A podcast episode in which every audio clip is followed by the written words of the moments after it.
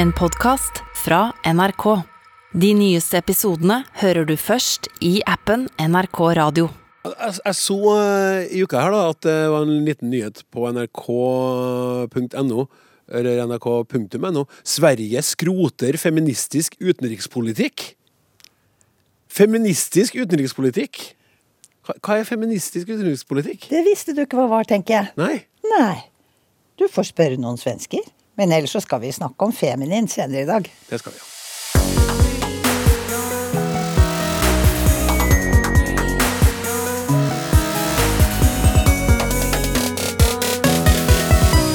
Hvis jeg trenger hjelp, hvem skal strekke ut ei hjelpende hånd?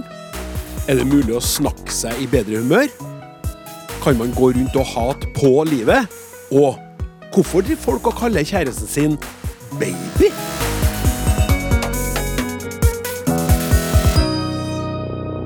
En real godteripose av ei sending venter deg i dag, kjære lytter. Ja, jeg får nesten lyst til å si godt og blandet, søtt, salt og syrlig. Akkurat som livet sjøl. Fra det lille til det store. Fra ordet havne til hva som ligger i begrepet feminin. Det er bare å glede seg. Klaus Sonstad heter jeg, og min jobb er blant annet å lese opp alle fine spørsmål og refleksjoner innsendt til snakk krøllalfa.nrk.no. Mens de som skal svare etter beste evne, er språkforsker Margunn Rauseth fra Institutt for lingvistikk, litterære og estetiske studier, Universitetet i Bergen. Språkforsker Ellen Andenes, som er tilknytta Institutt for språk og litteratur på NTNU. Og psykologspesialist Jonas Rennemo Våg, som til daglig å finne på Fakultetet for samfunnsvitenskap ved Nord universitet. Hjertelig velkommen, alle tre. Takk, Takk for det. Du, Jonas, har, jeg må bare ta noe med en gang. her. Vi har fått inn en e-post fra en lytter som stusser på noen ord som han jevnlig hører blir sagt på NRK, TV eller radio, og det ene ordet er psykologspesialist. Hør på det her. Det kan godt hende at dette er en definert profesjon i Norge. Men jeg har alltid undret meg over hvorfor vi trenger folk som er spesialister på psykologer til å uttale seg på radio. Hadde de brukt ordet spesialpsykolog eller spesialistpsykolog, hadde jeg kanskje forstått hva de mente, og kanskje enda bedre, oppgi hvilket felt innen psykologien de er spesialister på. Hilsen Agnar Renholden, Trondheim. Ja, Og vet du, jeg, jeg er litt enig, faktisk. Det, det het faktisk spesialpsykolog en gang i tida, men, eh, men så, så endra vi det til at det het psykologspesialist. Og det betyr egentlig at du har tatt psykologstudiet, sånn ja, type seks år utdanning, og så har du tatt fem år praksis i etterkant innenfor et spesialisert felt. Eh, men når jeg da endelig etter fem år ble psykologspesialist og liksom vel, ønska velkommen til klientene inne på kontoret mitt, så, så var det sånn at de spurte er du ekte psykolog. Er det, det, står, det står jo noe annet på døra di. Eh, Fordi at med en gang du legger til noe, så, så, så selger du ikke deg, eller du, du, du gir ikke deg ut for å være det folk forventer. da. Så, så det er helt klart, jeg, jeg er med på innsender der, altså. Ja. Tankene der. Og så skulle du kanskje ha hatt lyst på en eh, som er spesialist på psykologer. Absolutt. Det hadde vært det beste. Hvis det er, noen, det er noen som uh, velger å spesialisere seg på oss, uh, og kan forklare oss litt hvordan vi er, så hadde det vært veldig fint. Ja. Tusen hjertelig takk skal du ha. Da kjører vi i gang.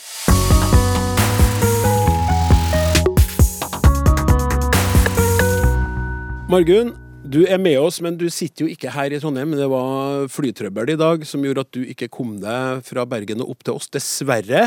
Men du skal få det første spørsmålet, som eh, lyder slik. Hei! Eller hjelp! Er vi i ferd med å få et nytt bjørnetjeneste og forfordelt?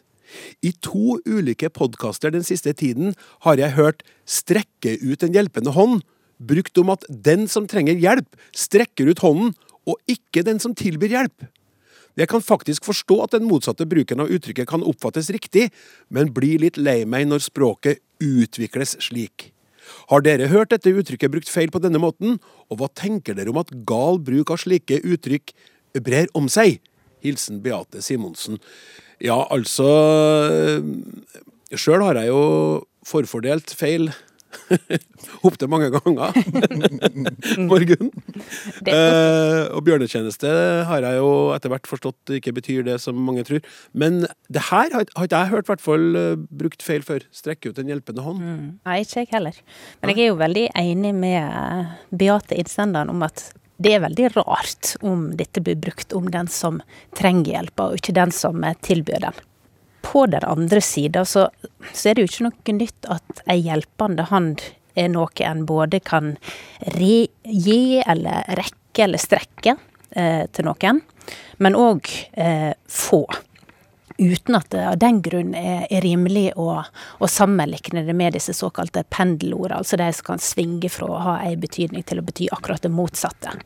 Sånn at, ja, sånn som vi var inne på, at forfordele både kan bety å gi for mye og for lite. At denne partisippen til hjelpe, det ligger jo veldig tett på hjelp, eh. Og hjelp kan en jo òg både gi og få, på samme måte som en da kan gi og få ei hjelpende hand. Det som eh, overraska meg litt da jeg så på det, det var at jeg trodde at dette egentlig var bare et lite knippe med, med verb som eh, en kan eh, bruke sammen med denne hjelpende handen, men der det viser seg at egentlig inngår den i relativt mange konstruksjoner. Og jeg så eh, i en av disse store digitale tekstsamlingene våre at eh, i stortingsforhandlingene i, i 2000, eh, så er det en som spør om kanskje er det ei hjelpende hand som skal til å lose deg gjennom systemet. Og et eh, mye tidligere eksempel, fra faktisk 1937, eh, da er det med nekting. Ingen hjelpende hånd var der for teatret. Sånn at dette er altså ikke noe eh, nytt i språket vårt som viser at, at en ofte bruker uttrykket fra perspektivet til den som er hjelpemottaker, for å si det sånn. Og så eh, fins det jo et, eh, et lite sett med, med ord som eh, en kan eh, se på sammen med dette. Ei håndstrekking, eller håndstrekning. Eh, som kanskje i utgangspunktet kanskje Ja, det kan iallfall tenkes at det kan være en forklaring til at det kan oppstå forvirring, for der er det kanskje ikke like tydelig, da, om, eh, om en gir eller får, eller hvem som eh, ja, hvem som er giver og mottaker. Ja, men jeg tenkte, eh, altså for min del Men nå, det her vet jeg jo, nå, nå beveger jeg meg ut på tynn is. Jeg ser, jeg ser meg sjøl for meg når, jeg, når jeg nå går ut på isen. Men for hvis jeg hadde strekt ut ei trengende hånd, så hadde du møtt meg med din hjelpende. Skjønner du? Men altså, her, det her det høres rart ut for meg, men, men det er jo nettopp det. Altså, det høres rart ut akkurat nå, men om en liten stund så kanskje ikke det er rart i hele tatt at man strekker ut ei hjelpende hånd, og at man trenger hjelp. Jeg vet ikke. Hva, hva du sitter og ser til- Tviler, tviler du på det jeg sier nå, Ellen? Eller? Nei, altså, vi må jo følge med og se hvordan det går, men for meg så er dette veldig rart. Ja. Fordi en hjelpende hånd er det jeg som Jeg trenger den. Ja. Eh, og hvis jeg gir den til noen, så er det fordi de trenger den. Eller jeg tror at de trenger den, i hvert fall. Ja. Men da er jeg glad for å få ei hjelpende hånd. Ja, Ja, selvfølgelig. ja, nett, ja nettopp. Og det, det med om eh, om eh, dette er et tegn på at, eh, at språket går i den retning er at vi snakker stadig mer feil, det er jeg jo kanskje litt mer skeptisk til, da. Ja, ja det, det er sant. Det, men, men sånne små nyanser, sånn som bjørnetjeneste også, som vi var innom da, vi sa jo ikke noe om det, det var, det har, har vi, Vi har nevnt det tidligere. Der har betydninga blitt helt omvendt, ikke sant? Men når, når det er hørt i to ulike podkaster Nå vet vi jo ikke om Beate har hørt eh, eh, to ulike episoder av samme podkast, for det opplyser jeg ikke om. Men i så fall så kan du strekke ut en hjelpende hånd mot oss, Beate, og opplyse om det med, med en ny e-post. Jonas? Jeg tenkte at det, om det er liksom et uttrykk for det å ta initiativ til å søke hjelp, om det, om det er det som er, er, ligger i det her. Da, så at eh, det her eh, Kanskje den utviklinga man kan se til at man eh, legger mye mer ansvar på individet, og at, eh, at det også gjenspeiler seg i, i språket. Jeg vet ikke hvordan Ja, sånn at de forstår det sånn. ikke sant? Ja. Så satt jeg der, og jeg var jo ganske fortvilt, så jeg strakk ut en hjelpende hånd. ikke sant? Mm. Men det var jo ingen som, som brydde seg, så jeg måtte jo fikse det sjøl. Det er litt sånn du mener? Ja, og mer sånn at da eh, For det, man ville Hvis man har hatt eh, masse negative erfaringer med, eh, med, omgivelsene før, og de relasjonene man har, så er det vanskelig å ta imot en hjelpende hånd. Ja, akkurat.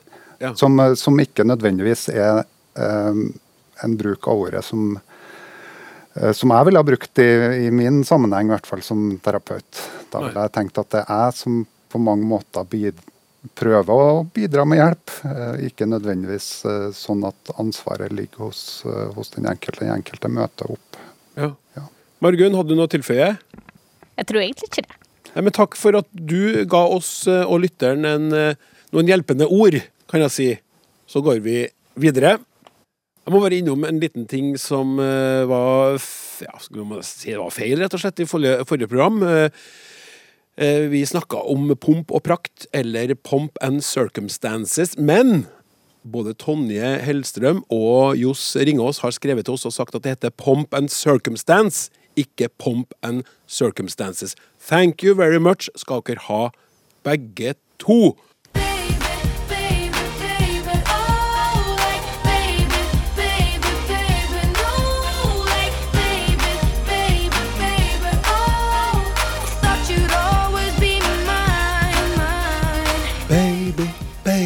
Baby, oh Ja, den der eh, låta har jeg et veldig nært forhold til, må jeg innrømme. Eh, Den ble gjort kjent for meg gjennom ungene mine, og så etter hvert så spilte den så mye at de sa 'nå er nok, pappa, vi klarer ikke mer'. Jeg elsker den låta. Justin Bieber, kanadiske popstjerna, og låta som rett og slett heter 'Baby'. Og det leder oss over på følgende spørsmål. Hei, dere språksnakkere. Hva i all verden er det for slags fenomen at det er gjengs blant engelskspråklige å omtale kjæresten, kjæresten som baby? Hvordan oppstår noe sånt? Har lurt i mange år. Vennlig hilsen Else Valseth, Braskereidfoss i Solør. Ellen, artig spørsmål. Absolutt. Skulle si Ellen Baby, men det kan ikke jeg tillate meg å gjøre. Det blir litt feil i denne settingen. Det blir litt feil. Ja. Men altså Hei, Else. Jeg skjønner jo at du lurer på det, ettersom en baby egentlig er et spedbarn eller et veldig lite barn. Og det kan jo være litt snålt, da, å kalle kjæresten sin for et spedbarn. Men dette er mye vanligere enn du tror. Det er ikke bare engelsk. Vi har faktisk et faglig begrep for sånne ord. Hypokoristiske navn. Hypokoristiske navn. No less. Altså, det er, det er kjærlige kallenavn eller kjælenavn. Altså kjælenavn som brukes for å vise kjærlighet til et menneske eller en ting. Og det fjonge ordet hypokoristisk, det er gresk, og det kommer av koros, som betyr barn. Ja. Og altså, vi har nok tilsvarende ord i norsk også. Vi har f.eks. elskling. Ling er en sånn etterhengt ting som vi bruker for å gjøre noe mindre. Og det er helt samsvarende med det som på engelsk ble dearling, som blir til darling. Ja. Ja. Liebling. Libling. Hva for noe? Libling. Meine Libling, ja, nettopp, nettopp, nettopp. Guten Abend, meine Liebling. Ja, flotte saker. Men altså, det er mange måter å uttrykke kjærlighet gjennom språk på, men nå kan vi eh, Jeg får jo alltid noen nye tanker inn i hodet av disse lytterspørsmålene, det er det som er så moro. Og så tenkte jeg hm, baby på engelsk kan også brukes som verb.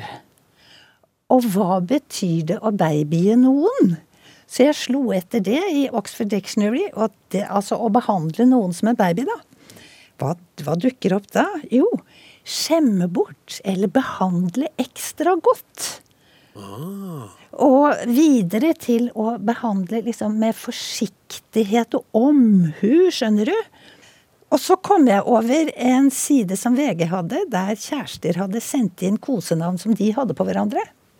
Det var veldig morsomt. Og de fleste var klart av den liksom søte typen. Sånn pus og skatt og snupsen min og, og sånne ting. Eh, og det er ganske interessant, syns jeg, at det var flere som nevnte at å bruke sånne navn, det forsterker forholdet. Ja. Ja. Ja, jeg så eh, iallfall at eh, det er forbausende mange som har litt sånn artige, lydlige kvaliteter. Altså pus er nå mye brukt, men at den går over til å bli pusilusi for å gjøre den enda koseligere. Eller snuskelusk, eller sussebass, snuppedupp. Eh, Syns det er litt eh, morsomme, morsomme ord. Eh, at vi har klumpen som et koseord. Koseklump, ja. Mm. Men at- visste jeg det? Men òg dette med dette settet med ord som vi har liksom for å, for å uttrykke det at vi verdsetter den andre med, med skatten min og gullet mitt, f.eks. Jonas, er det sånn eh, i det rommet du sitter i med folk som eh, sitter sammen med deg åpner seg og snakker om sine ting, at eh, de kan også si en 'kaller meg aldri for snusselusk lenger'? Nei, det, det er ikke så ofte det dukker opp, men, eh, men det er jo et eller annet som skjer i en relasjon hvor du, ut, du utvikler et sånt felles språk da, som er bare deres på mange måter. Ja. Som, binder litt ekstra. Men jeg var interessert i akkurat det du sa, at du, dere hadde hørt på den sangen så mange ganger at på mange måter alle de her alle assosiasjonene med følelser, altså eh, kanskje den gode stemninga forsvinner. Alt blir, alt blir nesten Man kjenner en aversjon, eller at man kjenner at det er ubehagelig å høre den låta.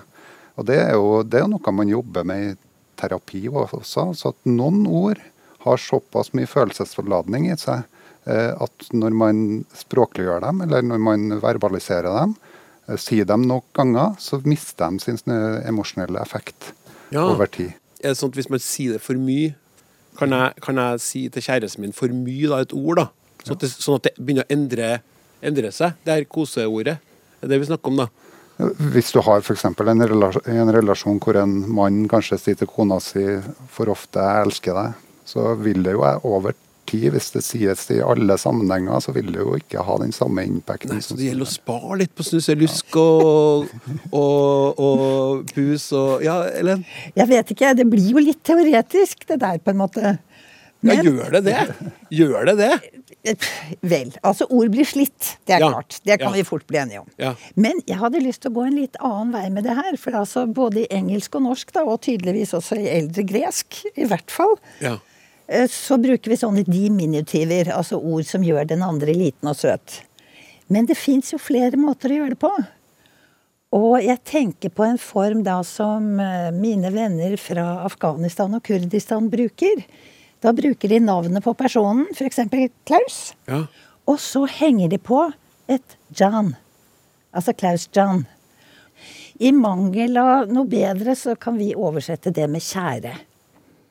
Og det ordet brukes vidt og bredt blant muslimer i forskjellige land, altså ikke bare Afghanistan og Kurdistan, med litt forskjellig liksom, dybde eller kraft i kjærligheten, for å si det sånn.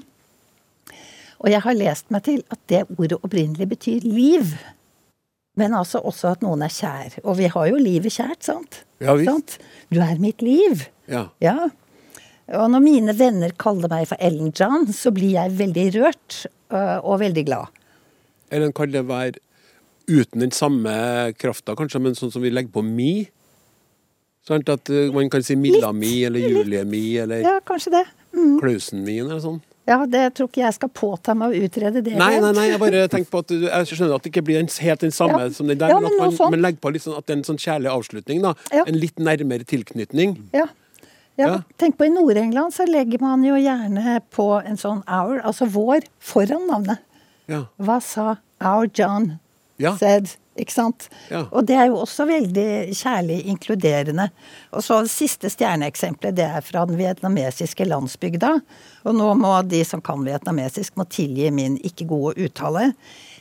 Altså, der kaller ektefeller hverandre for mokming, som betyr noe sånt som mitt eget selv. Det er ganske vakkert. Ja. Ikke sant? Det forteller mye om en virkelig tett og intim relasjon. Det du sa? Din vietnamesiske uttale er enda verre enn min. Takk skal du ha, Ellen, eh, for det. Eh, Vi går videre. Språksnakk med Klaus Sonstad. Du hører på Språksnakk, ja, som det nettopp ble sagt, og adressen vår hvis du vil skrive til oss, det er snakk.krøllalfa.nrk.no. Vi skal nå over til Siris eh, e-post, som starter sånn. Jeg hadde i flere år en lapp med referanse til Willy Railo. Det var ei påminning til meg sjøl og studenter jeg veileda om det jeg opplever som psykisk effekt. På lappen sto Knus imperativene, bytt må, bør og skal med vil, tør og kan. Jeg har opplevd den nyttige endringa i min holdning til en handling når jeg bytta imperativene. Jeg opplever en større frivillig kontroll over eget liv. Jeg slipper opplevelsen av moralisering eller plikt og tvang. Dette er vel en psykisk effekt? Hva tenker dere i Språksnakk? Ja, så flaks da at vi har en psykolog i studio. Skulle nesten tro det var planlagt, Jonas. ja, skulle nesten tro det. uh, ja, og det, det, er jo altså, som uh, Siri er innpå, da, så, så, så, er det jo den her overgangen fra uh, I psykologien så kaller vi det her for ytre og indre kontrollokus. Og det, det, er nok kanskje det Willy Railo ønsker å få fram. sant? Hvis man har ytre kontrollokus, så har man en, eh, et synspunkt på at de tingene som skjer i livet, er det andre som bestemmer at jeg skal gjøre. Eller det ytre forhold som bestemmer eh, og påvirker meg til å gjennomføre de tingene jeg gjør. Så da må jeg, bør, gjøre det. Eh, men hvis du har en indre kontrollokus, så har du mye trua på at du sjøl er en aktør i eget liv. Og da, i stedet, så tar du et valg å gjennomføre det eller ikke. Så når Willy Railo da prøver på mange måter å si at du skal bytte ut de her ordene til deg sjøl i din indre dialog, så er det på mange måter å eh, gå over fra en ytre kontrollokus til en indre kontrollokus. Ja.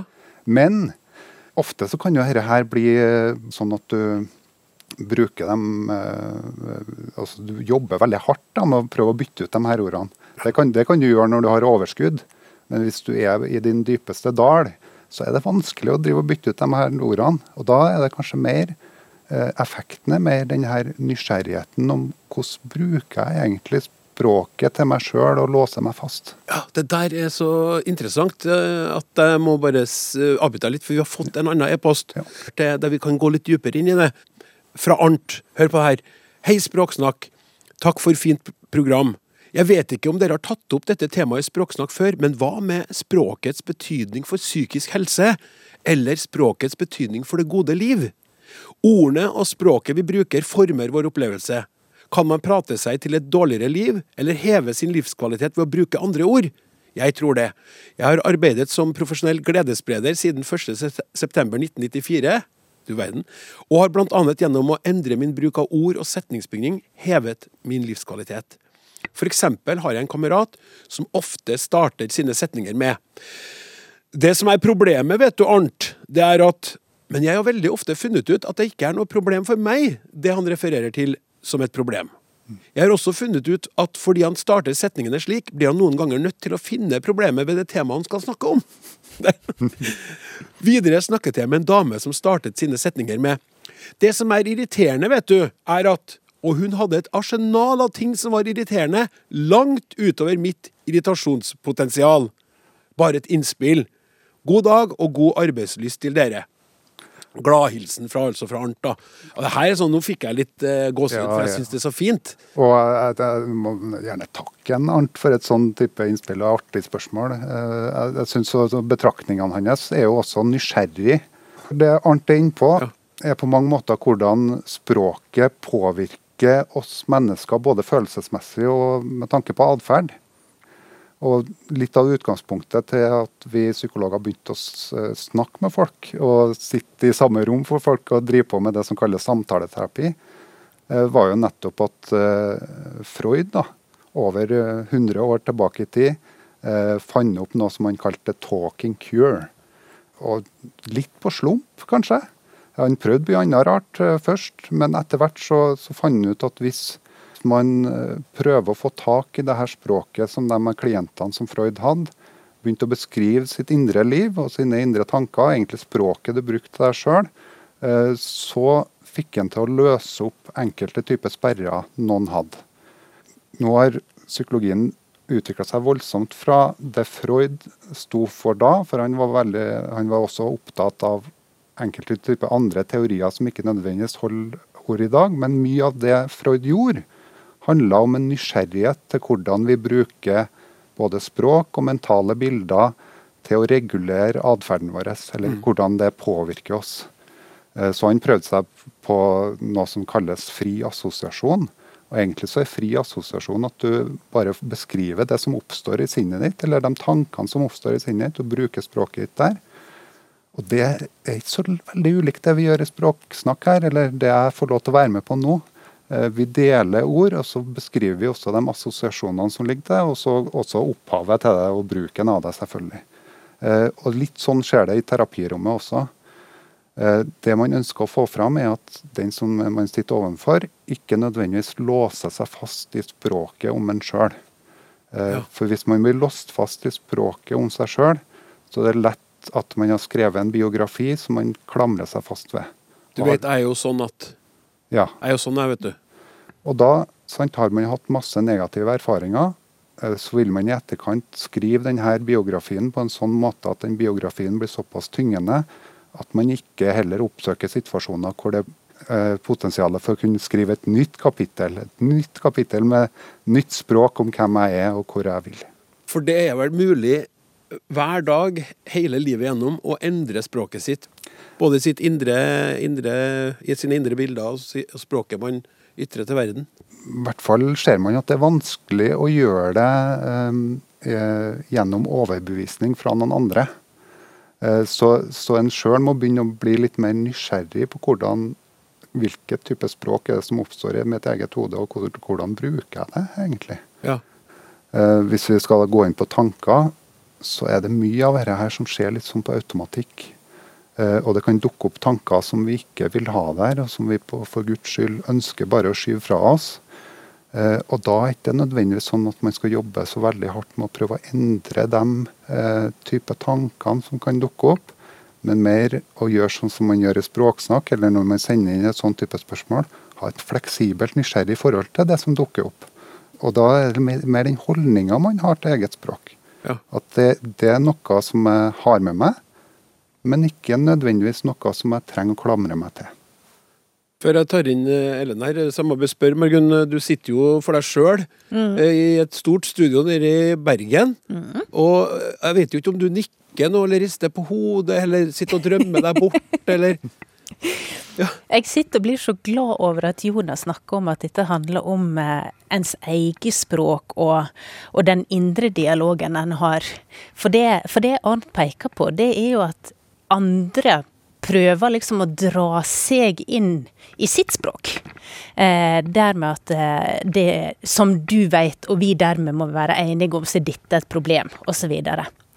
Og, og det syns jeg jo var på en måte noe som eh, skurra litt for min del med dette første spørsmålet vi hadde fra en språklader Siri om, om, å kaste imperativene. Eh, fordi at for min egen del så blir jeg litt irritert når noen bruker modale hjelpeverb eh, på en måte som jeg kan oppleve som litt sånn ah, feilaktig, eller at det kan forstyrre kommunikasjonen.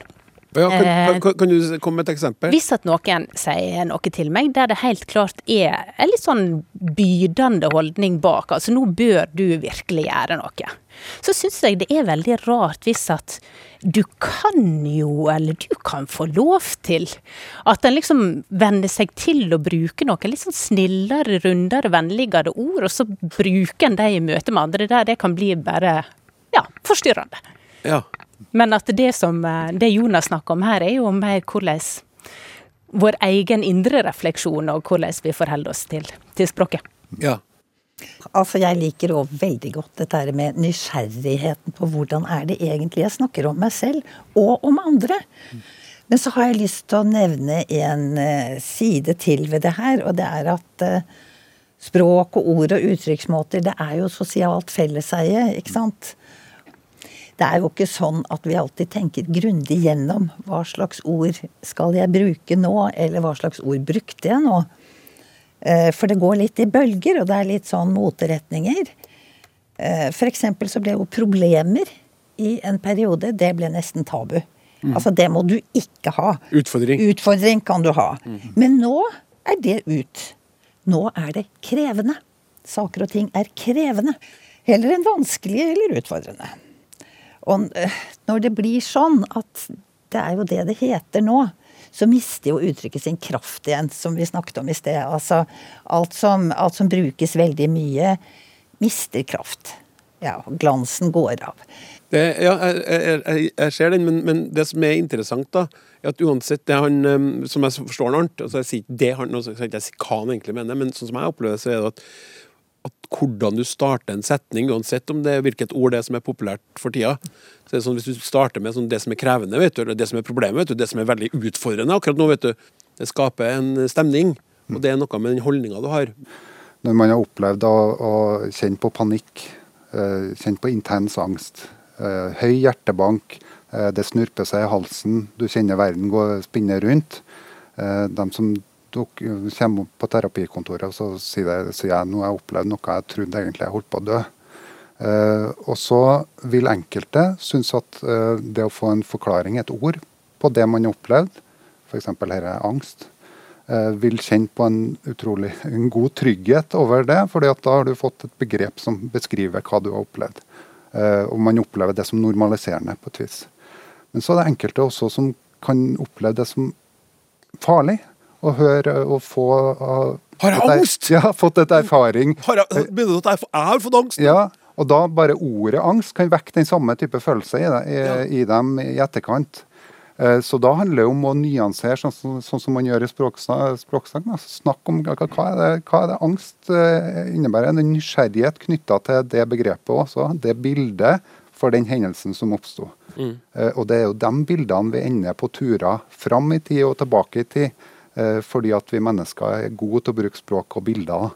Eh, Og Det er det man prøver å få fram i terapirommet, men ikke nødvendigvis man alltid får til å endre der, men man kan gjøre noe med eh, de hindringene det skaper. Ja, det her er så interessant og spennende og så mangesidig at vi kunne ha brukt flere episoder. Vi må sette strek nå. Kan bare si for min egen del at det ble veldig stor forskjell for meg i mine samtaler som jeg har vært i innimellom, når jeg begynte å si jeg istedenfor mann. Ja. Det var en stor forskjell, rett og slett. Vi lar det være med det, og så går vi videre. Hei, jeg heter Nikolai, og favorittordet mitt er dørstokkmila. For Den er like vond hver gang. Man går alltid over den. Kjære Språksnakk.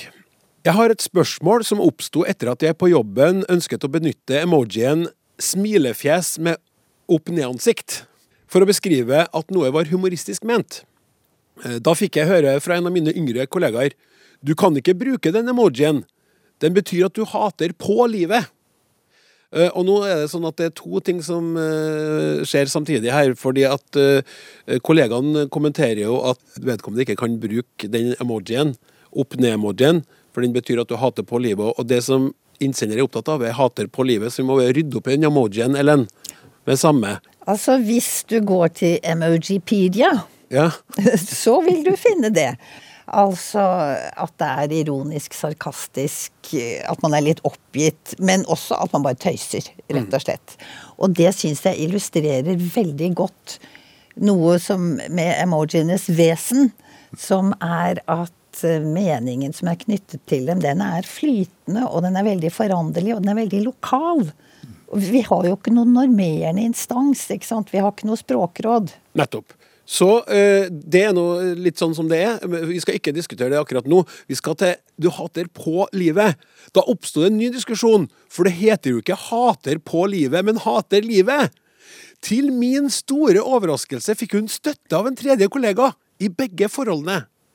Kan man si hater på livet? Og hvor kommer i så fall dette fra? Bruker ikke ungdommelig språk gjerne å utelate og forkorte i stedet for å legge til helt unødvendige ord? Med vennlig hilsen Helge William Bråten, eh, Margunn. Det var noe ganske tydelig kan Helge William mene her, men hva tenker du?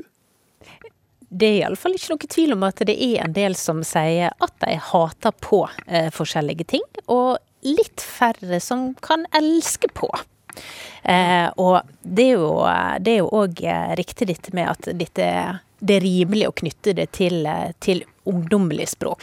Og veldig ofte når uh, ungdommelig språk inneholder konstruksjoner som vi andre syns er veldig fremmedartere, så, så er det ofte greie ting å se til engelsk. Altså er dette her f.eks. et eh, direkte lån, og det, det er det definitivt hvis vi, hvis vi begynner med denne her å, å elske på, så er det veldig greit å gå til nettet og samlinger av nettekster for å prøve å finne ut. For der har folk ofte en litt mer muntlig språkbruk, litt mer uformell. Så i ei tekstsamling med, med nettekster, så finner en ikke veldig mange treff på det. Og da kan en jo lure på hm, er det fordi folk ikke skriver det i det hele tatt? Kan det være fordi det nettkorpus eller samling av nettekster som jeg var inne i, var fra 2017? At det allerede er litt gammelt? At dette er noe som har kommet inn i enda større grad i enda nyere tid?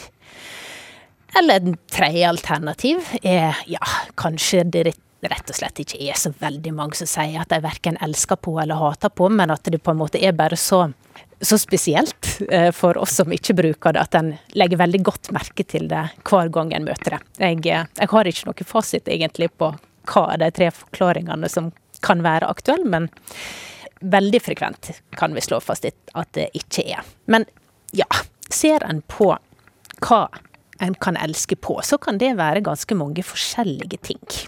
Og ganske mange overraskende ting for min egen del, må jeg si en, eh, en skribent sier at hun elsker på matvare. Altså, det er sikkert harry av meg å elske på laks med sennep og egg med kaviar. Elske på laks!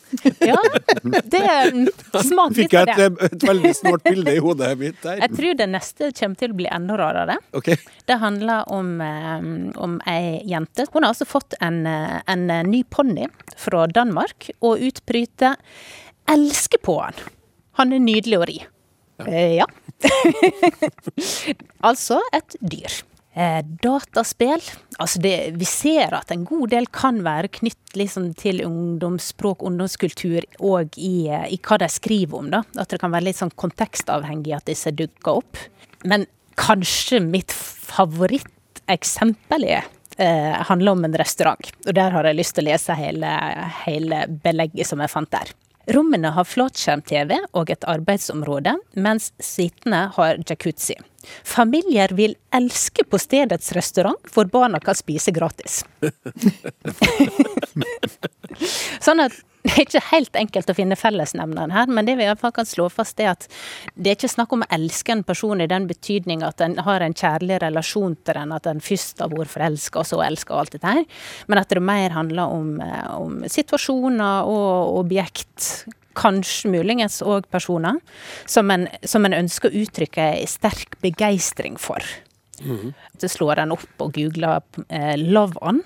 Eh, så blir det forklart med typen ha omsorg, bry seg eller utvise platonisk kjærlighet til noen gjennom ord, handlinger eller ikke-seksuell fysisk berøring.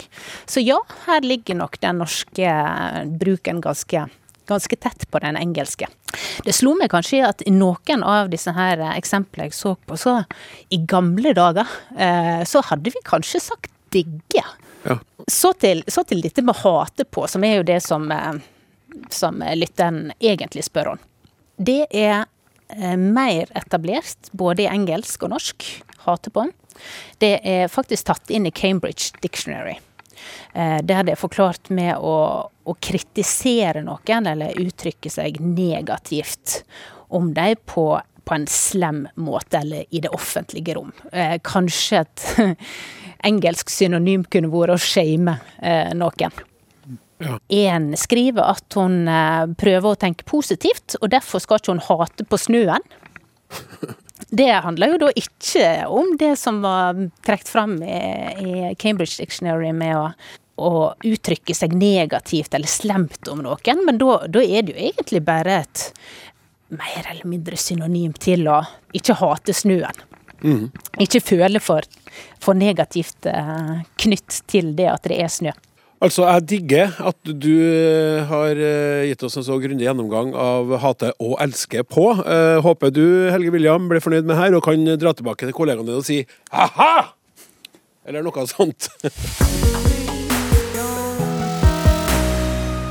I forrige episode så snakka vi om jordmor. Det kom et forslag på nytt ord for jordmor, majevtiker. Og så spurte vi om dere lytterne hadde noe innspill på andre mulige nye ord for jordmor.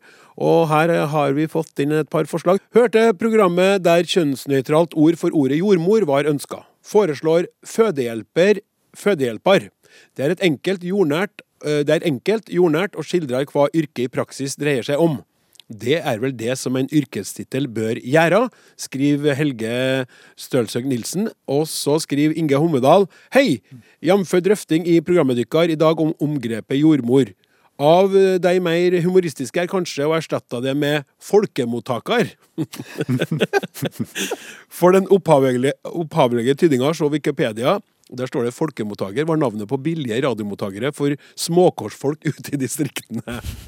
Fødselssykepleier gir ikke mening for meg. Så vidt jeg vet, er ikke graviditet, er graviditet en sykdom, og da skal vel heller ikke ei normal, frisk forløsning bli hjulpet av en sykepleier skriver Inge da fra Voss.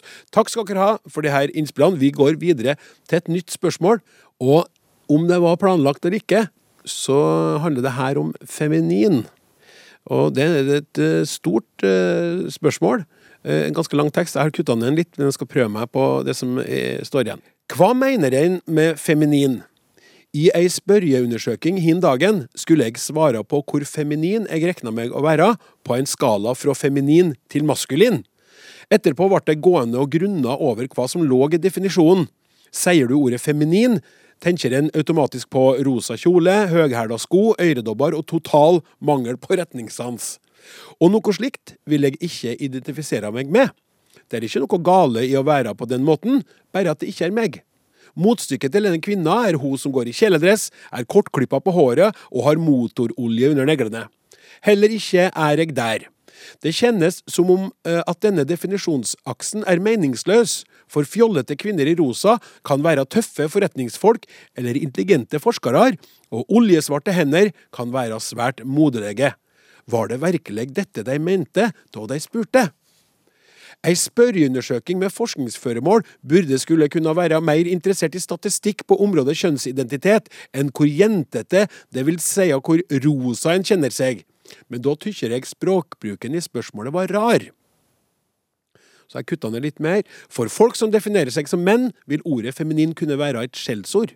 Sjøl for oss kvinner kan ordet brukes negativt og bety at den ikke duger skikkelig. Et grep av kvinnfolk er positivt, medan feminin betyr hjelpeløs. Mener du at et grep av kvinnfolk skal krysse seg av som maskulin på den førstnevnte skalaen? Det er ikke lett å sammegne alle akser til ei totalvurdering av hvor feminin en er. Hvor skulle en til dømes plassere ei som hadde sterk identitet som kvinne, ikke likte høghæla sko og var veldig god til å montere Ikea-møbler? Skriver Marit. Du verden. Ellen, hva tenker du om det her? Jo, først så tenker jeg, Marit, jeg føler med deg. Du ble stilt på en helt håpløs prøve. Eh, men det ble du altså, og den er ikke så veldig sjelden heller. Du skal ha honnør òg, syns jeg, fordi du tok deg tid til å tenke gjennom dette her litt ordentlig, og også deler tankene dine med oss. Og altså, først og fremst så må vi huske på at maskulin og feminin er kulturelle kategorier. Og kultur er alltid i endring. Dermed har ikke sånne kategorier noe fast og uforanderlig innhold.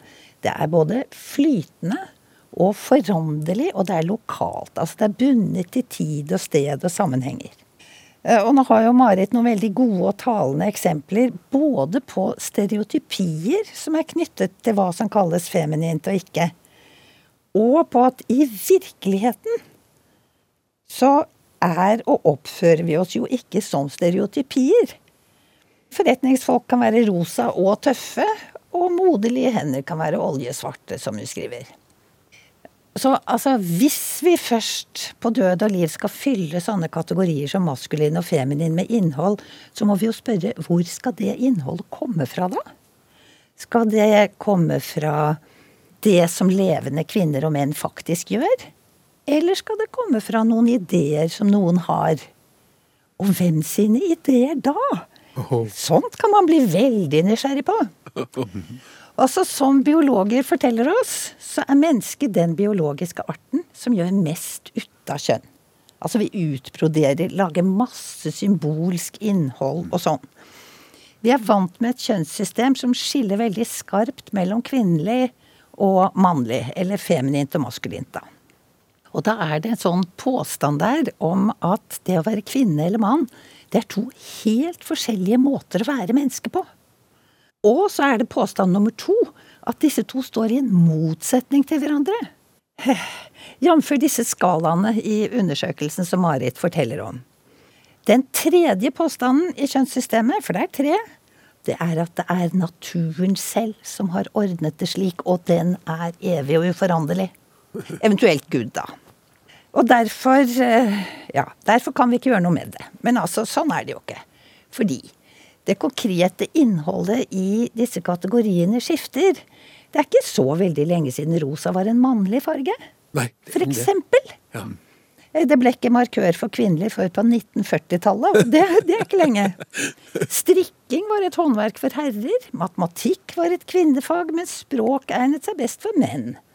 Og når det gjelder følelser, altså det å gråte høyt og tårefylt, det har vært et tegn på sterk maskulinitet helt siden antikken. Ja. For eksempel helten Akilles. Han gråt altså. Han fikk høre at en av hans venner var død på slagmarken. Da gråt han så det fosset, og det blir beskrevet hvordan marken under ham ble klissvåt. Og den svenske kongen Gustav Vasa han brukte tårer ofte og effektivt for å få sin vilje gjennom i riksdagen. På 1700-tallet i Sverige så var det en skam for en mann å ikke gråte, for det kunne tyde på at han ikke hadde sterke følelser, stakkar. Og så nevner jo Marit høyhælte sko som symbol på femininitet. Og høyhælte sko startet som en mote for menn på 1600-tallet her i vår del av verden. Det var noen svenske eventyrere som tok det med hjem fra persiske krigere. Kolla hva kula skor de har her! Ikke sant? Det var mye lettere. Det var ikke bare kult, det var praktisk. Ja. For det var mye lettere å svinge seg opp på stigbøylen når man skulle ri i krigen. Ja. Ja. For eksempel. Og så beskyttet jo tøyet da når man gikk på bakken. Og så videre, og så videre, og så videre. Så altså, det er ikke innholdet som er så viktig i kjønnssystemet.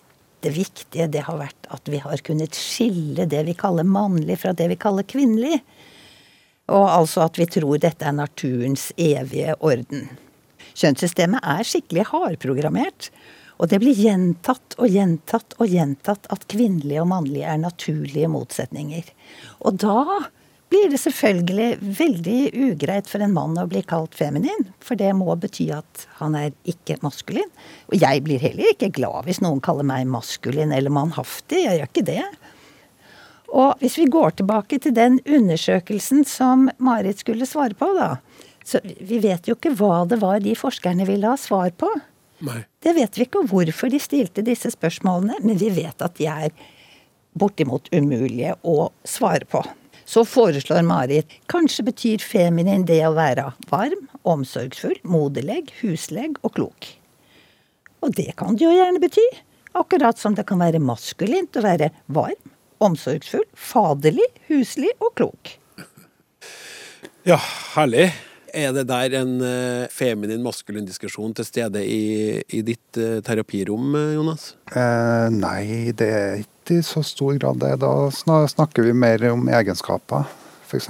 personlige egenskaper. Ja. Eh, og noen av de forslagene til adjektiver her eh, eh, handler om samarbeidsorientering kontra konkurranseorientering, kanskje. da, Og det å være mer opptatt av seg sjøl og ens egne verdier eller fellesskapet. Da snakker man om det mer eh, på, som personlige egenskaper, fremfor å knytte det til et bestemt eh, kjønn eller, eller en bestemt orientering. Ja. Men der har jo psykologien en, en historikk hvor det er akkurat som Ellen er innpå. Sant? Vi, vi jo gjenspeiler jo kulturen der, altså akkurat sånn som vi gjør i dag. Ja. Og jeg håper at det var et tekstfelt i, i denne, det spørreskjemaet, og håper også at innsender skrev inn der sine betraktninger på det. For, for jeg har sjøl vært i en situasjon hvor jeg har utvikla spørreskjema. Og det er viktig å få tilbakemelding på sånne type ting, for da, da vil man som forsker også se at oi, her var vi kanskje litt på ville veier. Her kan vi kanskje redigere litt for å, for å få dette til å fungere neste gang. Ja. Kanskje Eh, de hører på språksnakk. Ja, ja, det kan være. Eh, Jeg bare lurte kjapt, Margunn, eh, på en skala fra Nei, Neppe. det er veldig fint. Tusen takk skal du ha, Ellen. Jeg heter Charlotte, og favorittordet mitt er dansing. Fordi det er det jeg lever av, og jeg har gjort det siden jeg var liten. Språksnakk med Klaus Sonstad. Og vi skal bryne oss på følgende fråge nå. Kjære Språksnakk og kjære Klaus. Jeg ønsker, men finner det lite sannsynlig, at jeg en dag havner i studio med deg, Klaus, og du ser på meg og spør Maiken, hva er ditt favorittord? Da skal jeg svare havne. Dette nydelige ordet som evner å ta fra en ansvaret og gjøre en handling eller hendelse både uskyldsren og tilgivende. Vi havner i ulykka, i seng med, i rullestol, utfor kanten, i havet og på Nav. Vi kan liksom ikke noe for det, vi bare havna der. Hva skulle vi egentlig ha gjort uten ordet havne? Så brutalt livet hadde blitt. Fins det noen slags regler for når vi kan tillate oss å bruke havne i motsetning til for eksempel å velge eller å gå inn i? Ordet har vel noe med havn å gjøre? Fra skipsfart, da mennesker og båter drev i land der bølgene førte dem, de havnet til slutt i en trygg havn. Med dette sender jeg av gårde ordet havne, med håp om at det havner som tema i Språksnakk. Vennlig hilsen Maiken. Jonas, jeg kikker på deg. Det, det her spørsmålet havna hos deg, Jonas. Ja, det havna hos meg, men, eh, og det, det, er jo interessant. for jeg, Litt som det du sa tidligere, Klaus, så snakka du om at du hadde bytta ut eh, bruken av ordet 'mann' til 'jeg'. Og Litt sånn er det også sånn, fra en psykolog sitt synspunkt kanskje at vi bruker 'havne'. Altså at det er tilfeldigheter eller ting som gjør at man uh, havner oppi noe, eller at noe skjer. Og til en viss grad så er jo det. Det, og som ofte så kan det skje at, man, eh, at ting oppstår av tilfeldigheter. Og da, for å liksom koble seg litt av det som har skjedd, så kan den, eh, det kan være fornuftig å bruke havne innimellom på den type måte. Men så liker jeg også det her eh, at det blir sagt trygg havn. Altså det å komme i havn et sted. Eh, som man også tenker i psykologien. altså at det å, det å Etter å ha vært eh, ut i fare, så er det greit å ha et sted hvor det er trygt å komme tilbake.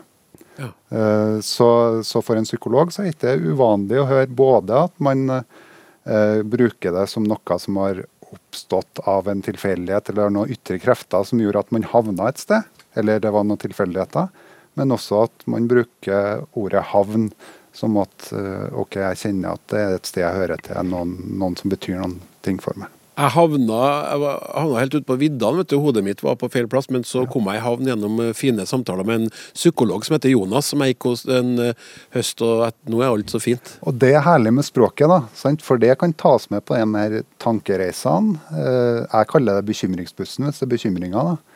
Du, livet ditt foregår på bussholdeplassen, men ofte så kan de her bussene ta deg med på lange reiser, og da havner du plutselig tilbake i tid eller fram i tid.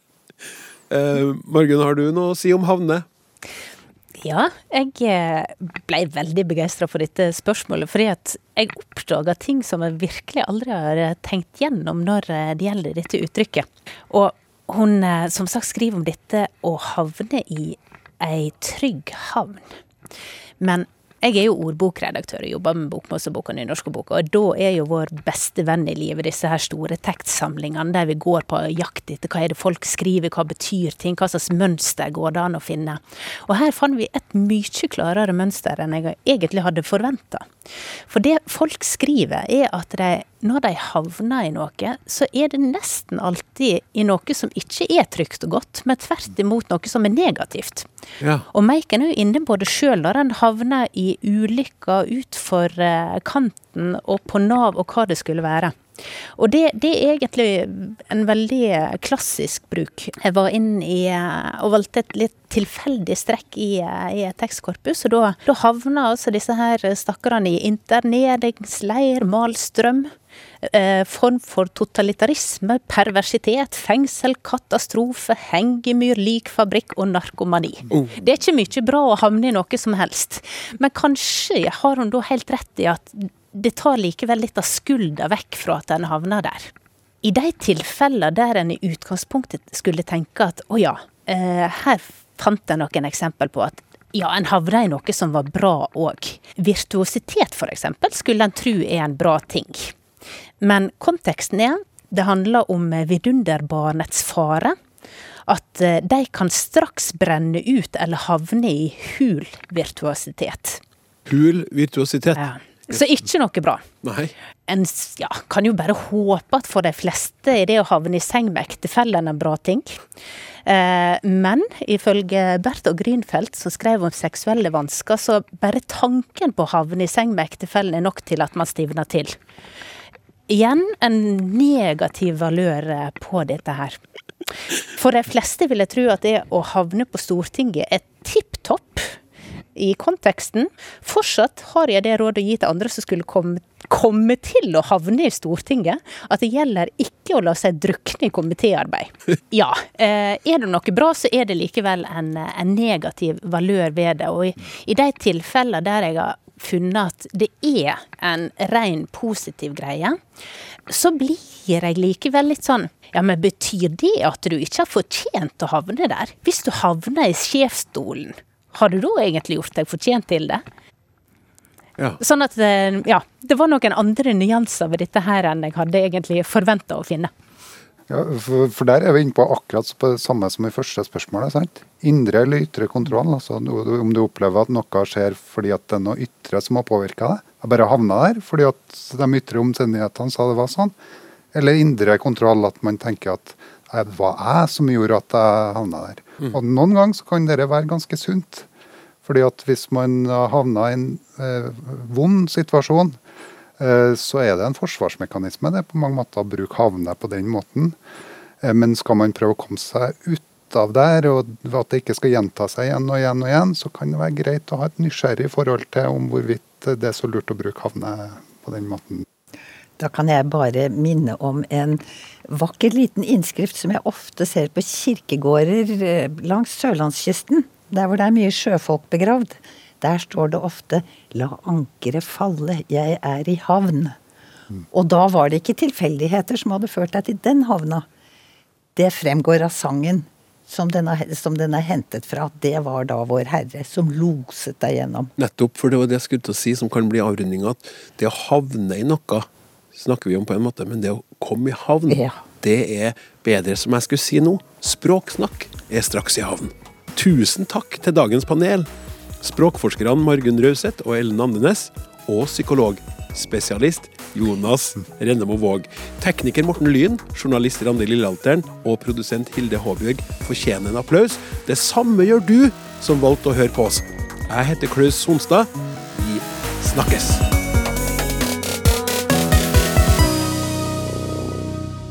Du har hørt en podkast fra NRK. De nyeste episodene hører du først i appen NRK Radio.